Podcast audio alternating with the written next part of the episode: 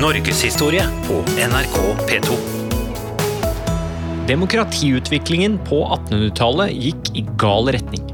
Flere og flere ønsket seg stemmerett, men færre og færre var berettiget.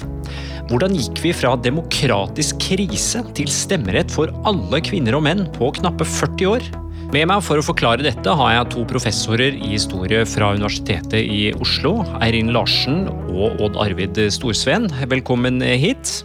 Eh, Eirin, utover på 1800-tallet så tok altså flere og flere til orde for stemmerettsreform. Eh, hva var problemet med stemmeretten slik den var formulert i Grunnloven av 1814? Eh, Enkelt sagt var problemet at den var foreldet. Det samfunnet Norge var i 1814, det var det ikke på slutten av 1800-tallet. Det var ikke et standssamfunn på samme måte. Eh, en økonomisk liberalisering hadde gjort at man fikk fremvekst av nye lønnsarbeidsgrupper, lønnsarbeidstakere, både på arbeidersiden, men også innenfor middelklassen. Eh, så det vil si at man fikk eh, noen stemmerettsregler som ikke var kompatible med det samfunnet samfunnet eh, som Norge var begynt å bli. Ja, for du, du, måtte ha eiendom, var det sånn, for å få stemmerett? Det var både eiendomsrett, altså det at man eh, betalte skatt uh, på jord, uh, hadde uh, eiendom i byene av en viss verdi, eller at man var statstjenestemann. Både lavere militær eller høyere. Ja, hvor mange var det som hadde stemmerett etter 1814? De som hadde stemmerett, de sto for ca. 6,5% av den norske befolkningen ca. 40% av den mannlige befolkningen. Og på 1870-tallet så var faktisk andelen menn som hadde stemmerett, var i ferd med å gå ned under 40 Statistisk sentralbyrå de lanserte en undersøkelse av dette på slutten av 1870-tallet. Denne undersøkelsen viste at Norge led av et demokratisk underskudd. Så det var faktisk sant, slik som venstreopposisjonen uttrykte eh, bekymring for at Norge eh, hadde en stemmerettslovgivning som ikke var til gode for på en måte idealet om folkestyre, slik det kom til uttrykk i Grunnloven. Og David? Det gamle systemet som Eirin sier, var ikke um, funksjonelt. og Man hadde noen, noen sånne rare utslag ved, som ble kalt for myrmannsvesen. Ved at uh, noen skaffet seg stemmerett ved å kjøpe opp uh, matrikulert, altså skattelagt jord, som ikke var egentlig drivbar, men som hadde på en eller annen måte fått uh, blitt satt, satt i matrikkelen. En, en, liten sånn stripe land. Det var snakk om kanskje en noen få kvadratmeter. Og på den måten så kunne de altså kvalifisere seg for å få stemmerett. Kjøpe deg stemmerett, rett og slett? Altså. Ja, du kunne Hvis du kjøpte dette lille landstykket Det var jo noen eksempler på det på Romerike og noen eksempler i Nord-Trøndelag, hvor man altså kjøpte noen ikke, ikke drivverdig jord, men som av en eller annen grunn da var blitt uh, satt, uh, skattsatt. Og, og, hvis man kjøpte det, så kunne man uh, kvalifisere seg som, som skattebetalende eiendomsbesitter. Men Hva hadde vært liksom, grunntanken i, i Grunnloven med at verde, man skulle ha verdige borgere. Du måtte være det for å ha stemmerett. Man kunne jo ikke gi stemmeretten til hvem som helst. Var det ideer som også var litt i endring her eh, utover 1800-tallet? Helt klart. altså Nå er det først og fremst kanskje det vi kan kalle for den, en slags middelklasse som, som ville få eh, nytte av å utvide stemmeretten med, med at man eh, kunne betale skatt. da, og Ikke nødvendigvis være eiendomsbesitter, men betale skatt. Men det lå nok under en sånn tanke om at dette, dette gamle systemet det var altså rett og slett ikke i samsvar med, med virkeligheten lenger. og og Dermed så kom dette myrmannsvesenet som, som, en provokasjon, altså en illustrasjon på hvor absurd det var. ikke sant? Så rett og slett hadde samfunnet endret seg så mye at uh, noen flere måtte få stemmerett. på en måte. Mm. Men det betyr jo ikke at denne kvalifiseringslinjen ble utdatert over natten. Nei, nei, uh, og at denne likerettslinjen var den som vant.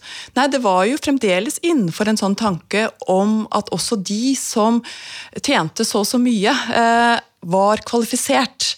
Så denne tanken om at stemmerett var noe man hadde rett til i å være et individ, det er en mye senere tankegang. Mm. Og Det er viktig at vi ikke bruker den tanken når vi diskuterer stemmerettsutvidelsen med 1800-tallet, og tenker at dette begynte allerede da. For det, det var det ikke. Nei. Men i 1884 da kom den første stemmerettsutvidelsen etter 1814, og da kunne man få stemmerett basert på skattbar inntekt. Ga det middelklassen sin eh, plass i demokratiet? Da får de sin stemme. Men i det gir ikke så mange flere stemmeberettigede menn. Og nettopp av den grunn som vi snakket om innledningsvis, at dette demokratiske underskuddet, og som gjorde det at andelen stemmeberettigede menn hadde faktisk gått ned i løpet av 1800-tallet. Så det var lavere før 1884 enn det var i 1814. Mm.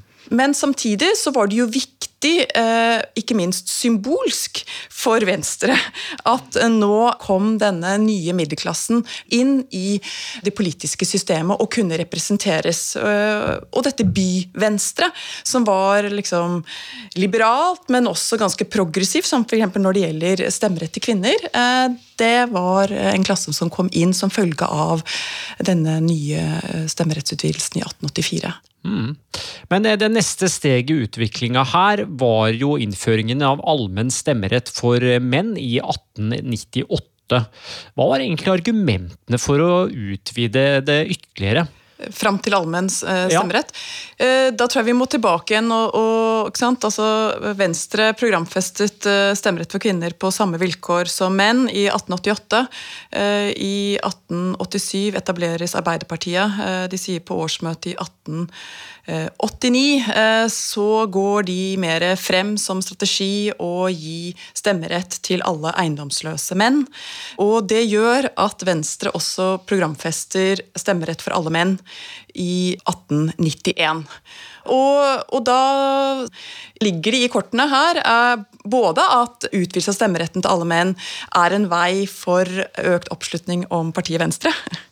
Ja, det er ja. Eh, så det, det, blir på en måte en strategi for økt makt til seg selv. Eh, og de ofrer da den kvinnelige stemmeretten, eh, den begrensede sensusbaserte stemmeretten, for det. Og så eh, blir det det som skjer. I 1898 får man allmenn stemmerett for menn. Men Høyre står jo imot alle former for uh, stemmerettsutvidelse i denne perioden. Og er den som på en måte argumenterer for at dette er noe som må kvalifiseres for. Helt fram til 1900, og etter at alle menn har fått stemmerett, både lokalt og nasjonalt. Så snur de på femøringen rett og slett, og går inn og programfester eh, begrenset stemmerett for kvinner. Altså etter det gamle sensusprinsippet som ble gjeldende i 1884 for menn. Fordi dette kan være da en eh, konservativ valgressurs.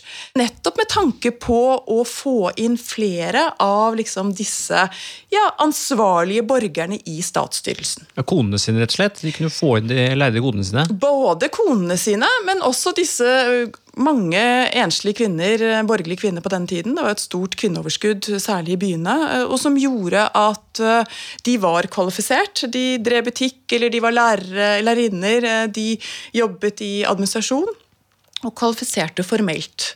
Eh, til å kunne stemme. Eh, og ved å få disse inn i både den kommunale styrelsen og i statsstyrelsen, så ville man kunne da drive en eller annen form for ja, eh, en, en form for respektabel statsstyrelse.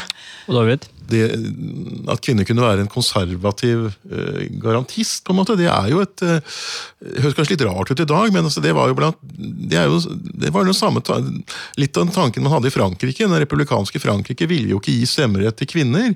Eh, de fikk altså først etter annen verdenskrig, utrolig nok.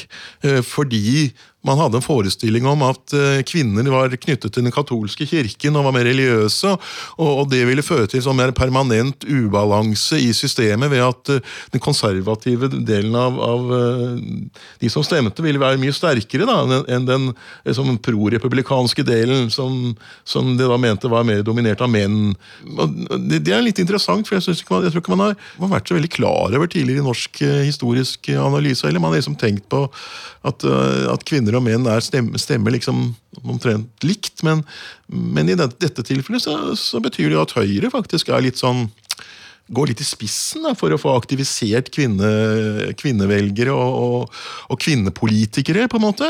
Det har slått meg også. at har, Der har vi kanskje vært litt uh, urettferdige mot Høyre noen ganger, i forhold til sånn, hva de har bidratt til innen politiske utviklingen i Norge. Vi snakker veldig mye om Venstre, uh, men, men, akkurat den siden der syns jeg man ikke har fått fram. Nei, Det er interessant. Uh, vi skal straks tilbake til innføringen av kvinnelig stemmerett, men først så må vi innom et fenomen som het fattigdomssuspensjon. Hva var det for noe, Eirin? Den kom i 1898, da alle menn fikk eh, statsborgerlige rettigheter, altså retten til å stemme og stille til valg. Eh, og det var paragraf ikke 50 som uh, regulerte det, men det var paragraf 52 i Grunnloven. Suspensjon av stemmerett. Dvs. Si at man, hvis man mottok uh, offentlig eller kommunal da, uh, fattighjelp, sosialhjelp av et slag, så var man heller ikke stemmeretten verdig. Og det viser jo igjen dette at stemmerett var ingen individuell rettighet. Det var noe man kvalifiserte for. Og fram til 1898 så handlet det om hvem som skulle være inkludert. Og etter 1898 så handlet det om hvem som skulle være utenfor og ikke ikke var omfattet av allmenn stemmerett for menn. Men det vi da ser, er at eh, etter hvert som kvinner også får begrenset kommunal stemmerett, begrenset statsborgerlig stemmerett i 1907, og etter hvert eh, allmenn eh, stemmerett lokalt og statsborgerlig, så slår den veldig ut på kvinner. Altså To tredjedeler av de som får denne stemmeretten suspendert, det er kvinner. Eh, og det er fordi at eh, kvinner i større grad er fattige og hadde behov for en eller annen form for kommunal støtte. Det var ikke nødvendigvis bare liksom, at man fikk penger, men det kunne være slik at ja, at eh, man fikk eh, betalt skolebøkene. Da. Det gjorde at man fikk eh, stemmeretten suspendert. Så dette slo veldig veldig feilt ut. Og det man virkelig ville liksom til livs da i 1898, var jo de som var liksom uansvarlige. De uverdige fattige ikke de verdige fattige. Så Vi må nesten sette allmenn stemmerett litt i gåsetegn? Ja, det må vi jo egentlig gjøre. Man kan jo tilføye at man kan jo man kan miste stemmeretten i dag òg, hvis man mister fradømme sine borgerlige rettigheter, sånn som f.eks. skjedde ved landssvikoppgjøret etter 1945. Ja. Sånn at uh, det er ikke det, Muligheten finnes der, men dette er jo veldig spesielt fordi det, det rammet jo, som Eirin sier, det var vel den klassiske sånn mannlige, litt sånn lasaronaktige typen. Og så viste det seg da etter 1913 at den også rammet da egentlig ganske altså skikkelige, skikkelige mødre og, og, og, kanskje skikkelige arbeidsfolk, men som rett og slett var fattige. Så at de måtte at Når de opphever den, så må vi jo se det i forbindelse med de politiske reformene som kommer omtrent samtidig. altså presset fra arbeiderbevegelsen. Eh, det har med valgordninger å gjøre, kan vi komme tilbake til, men det er også med selvfølgelig redselen for hva som skjedde, kunne skje i Europa etter en, uh, oktoberrevolusjonen. og Plutselig så er uh, Stortinget innfører åttetimersdagen over natta omtrent. altså som Et krav som arbeiderbevegelsen har stilt i, i 30 år, nesten. ikke sant? Ja. Så, det, så, det, er helt tydelig at det er en, uh, en vilje til å komme vanlige folk i møte, på, kan man si, da, sånn for, å, for, å, dempe aggresjon og revolusjonslyst, ja, for å si det sånn. Norgeshistorie på NRK P2. Vi har vært inne på det her allerede. Det er jo eh, det som etter hvert blir allmenn eh, stemmerett for kvinner. Eh, det starter i det små, Eirin? Det gjør det. Så allerede da sant, allmenn stemmerett for menn i 1898 inkluderte ikke faktisk 30 000 menn som var jobbet som tjenere, eller da ja, på bygdene. De ble inkludert i 1901 i Eh, det lokale valget da. Eh, og da fikk man også de første kvinnene eh, som fikk stemmerett da etter sensusprinsippet. Og vi ser jo det at allerede da samme høst så inntar 100 kvinner herredsstyrene og bystyrene rundt omkring i Norge. Og de fleste av de representerer jo Høyre. Jeg tror ca. 45 av dem gjør det. Så det var slik som egentlig Høyre hadde sett for seg.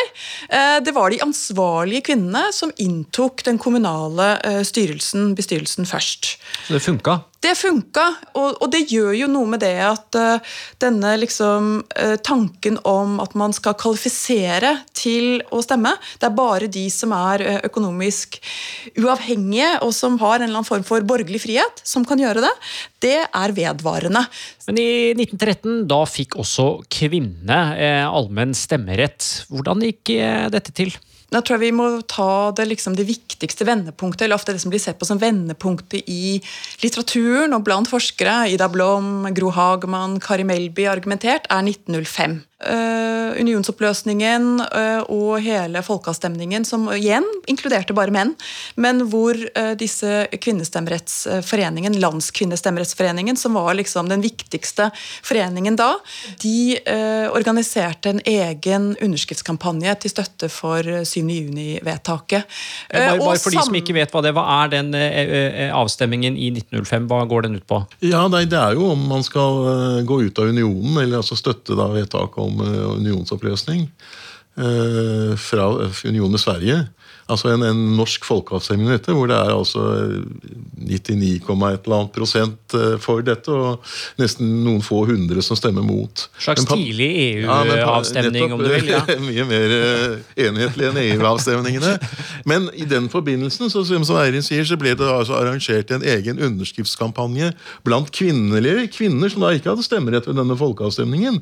Som også med, altså med, med Jeg husker ikke hvor mange stemmer det var til sammen. Ja. 300 000 underskrifter, underskrifter, samlet de, ja. og som de overleverte da Landskvinnestemmerettsforeningen til Stortinget i en sånn eh, virkelig rød, sånn dyp rød på en måte skinnperm med en gulltråd rundt og et gullemblem med Landskvinnestemmerettsforeningen på.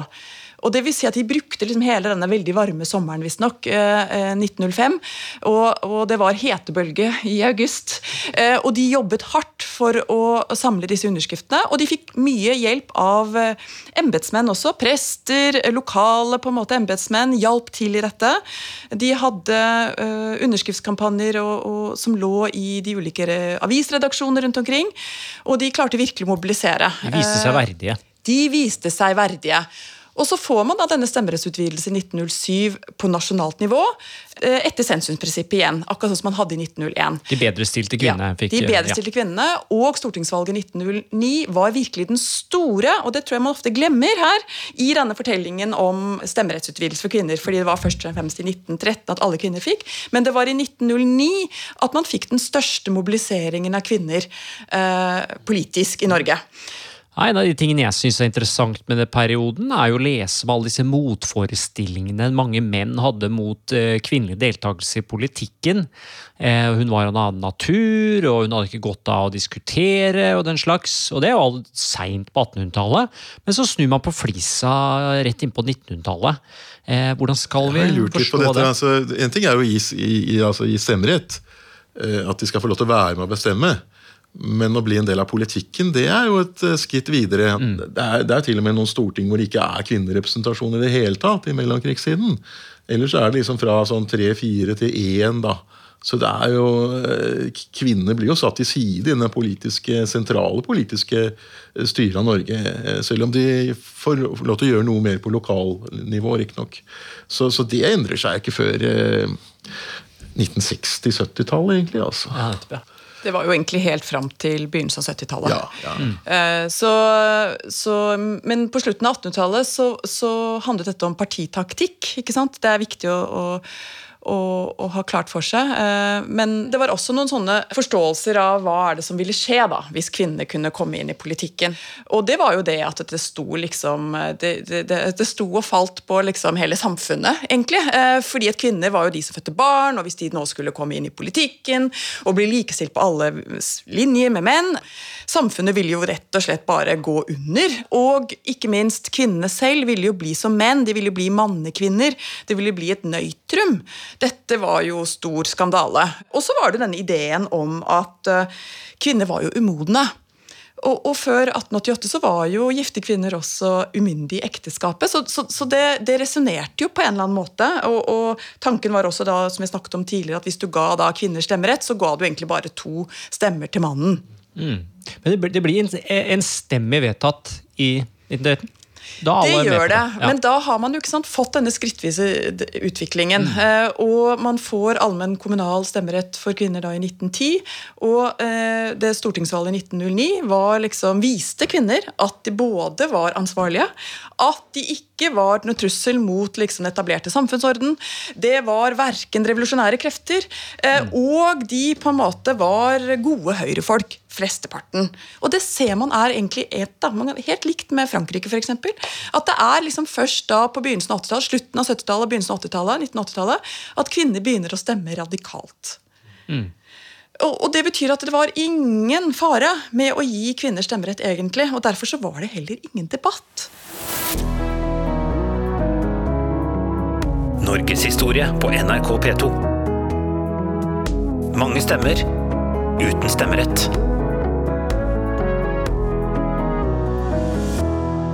Den siste utvidelsen vi har på programmet her, er jo altså 1919, hvor de fjerner fattigdomssuspensjonen. Bør vi se det i sammenheng med frykten for eh, de revolusjonære arbeiderne?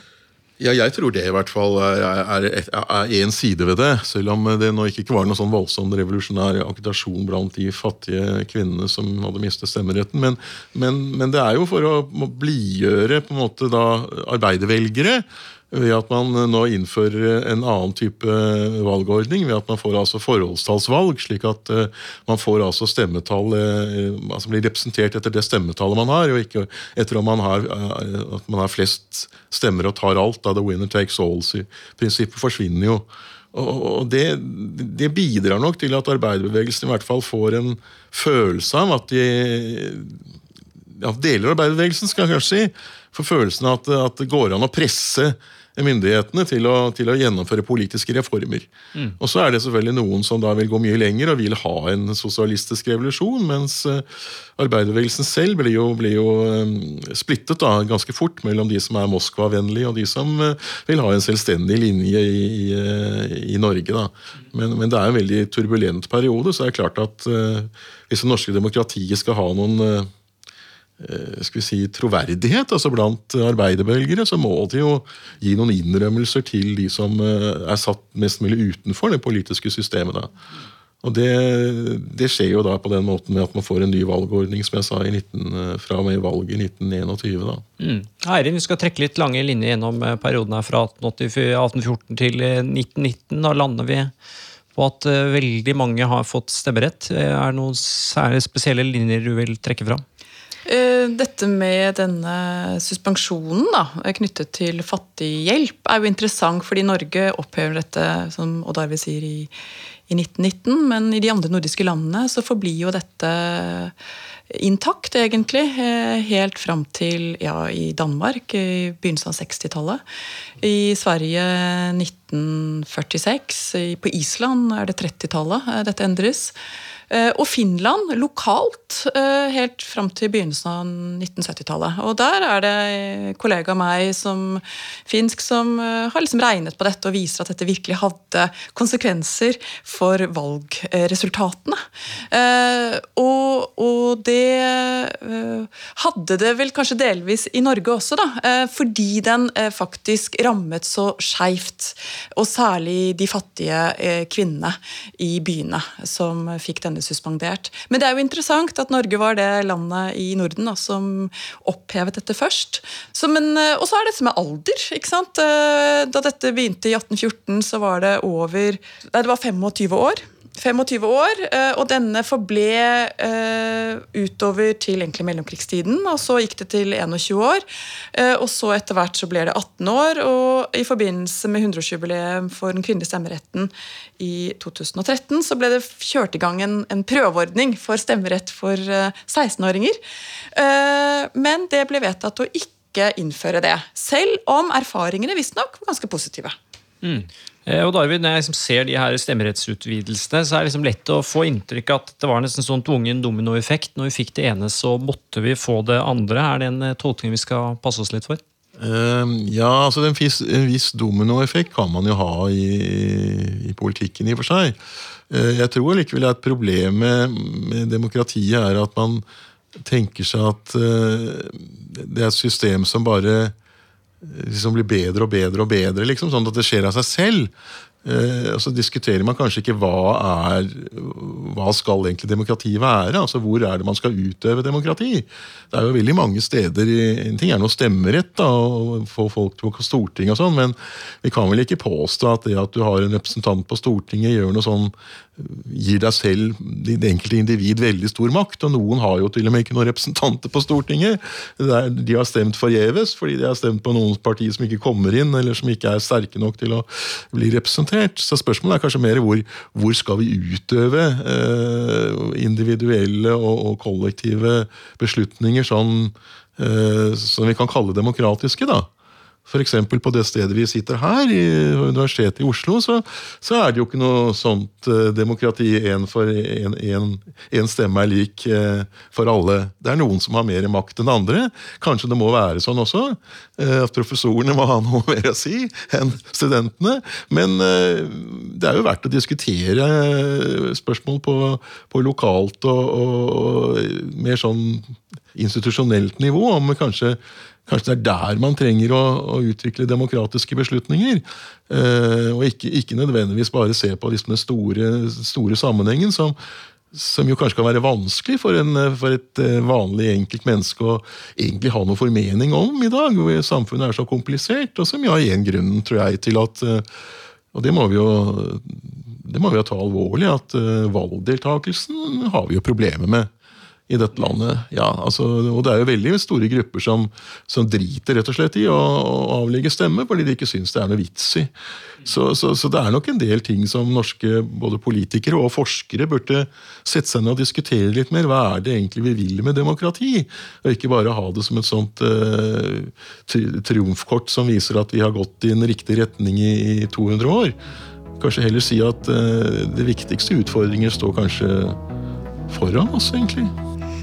Odd Arvid Storsveen, Eirin Larsen, tusen takk skal dere ha. Du lyttet til serien Medienes stemmer og maktens sensur, produsert av Norgeshistorie ved Universitetet i Oslo. Mitt navn er Anders Brenna, og ansvarlig for denne serien er Ellen Katrine Lund.